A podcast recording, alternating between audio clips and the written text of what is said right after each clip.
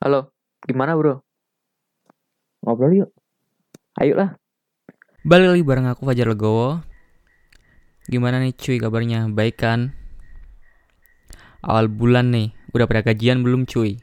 Kalau udah jangan boros-boros ya Jangan lupa ngasih orang tua yang udah punya pacar Traktir gih Biar tambah sayang By the way Gue lagi bingung nih Akhir-akhir ini Banyak tanya soal gaji kerja di Australia Hmm, sulit cuy jawabnya. Ya gimana ya? Soalnya gaji orang di sini tuh beda-beda. Oke dah, gua jelasin setahu gua aja ya. Uh, jadi bekerja di Australia tuh mayoritas dibedakan menjadi dua, yaitu casual sama full time cuy. Satu lagi sih namanya part time, tapi ini agak mirip sama casual. Oke, kita mulai dari yang casual dulu ya. Uh, jadi, apabila kalian bekerja di sini sebagai casual worker, tuh sebagai casual worker seperti apa ya? Seperti apa yang aku lakuin sekarang? Kalian tuh dibayar per jam cuy. Nah, untuk nominal untuk nominal per jamnya berapa ya beda-beda juga sih. Tapi mayoritas per jam kalian bisa dapat gaji kisaran 18 sampai 23 dolar per jamnya itu ya. Ini buat weekdays. Dan untuk weekend tuh kita dapat bayaran beda lagi. Mungkin kita bisa dapat kisaran 24 sampai 27 per jamnya. Nah, ada tapinya.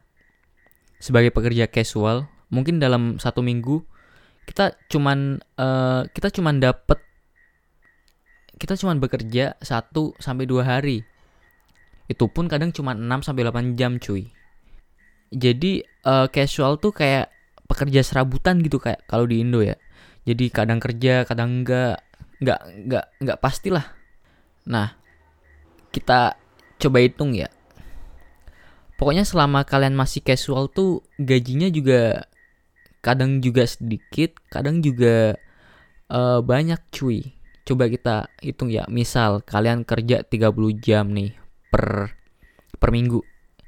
Uh, misalkan aja 20 jam tuh weekdays, terus yang 10 jam tuh weekend. Nah, oke okay, jadi kita 20 20 kali 20 kan 400 nih. Nah, terus yang 10 kali 25, misalkan aja ya, misalkan aja uh, kita dapat 25 per jam yang weekend. Nah, jadi total seminggu tuh kalian bisa dapat 680 tuh kalau di rupiah sekitar 6 juta 300an lah cuy. Nah, tapi itu jangan dibikin patokan. Karena tadi selama kita masih casual, uh, kita belum tentu dapat kerja. Mungkin lebih, mungkin juga kurang. Ya, jadi harus pintar-pintar cari kerja. Dan di sini, kerja di beberapa tempat tuh udah biasa bro. Soalnya kita kan nggak terikat kontrak. Dan bayaran juga tergantung berapa jam kita kerja cuy. Oh ya, itu belum kepotong pajak ya cuy. Nih, biar nggak bingung, aku liatin payslipku. Nah, jadi aku di sini kerja selama selama 15 jam seminggu ya. Dan per jam aku di sini dapat 25 per jam. Jadi aku gaji 25 per jamnya. Kalian bisa total 25 kali 15 kan kisaran 382-an lah. Itu gajiku. Nah, tapi itu belum kepotong pajak. Pajaknya aja 92. Jadi gue terima bersih tuh uh, ya sekitar 300-an lah. Itu udah bersih di sini.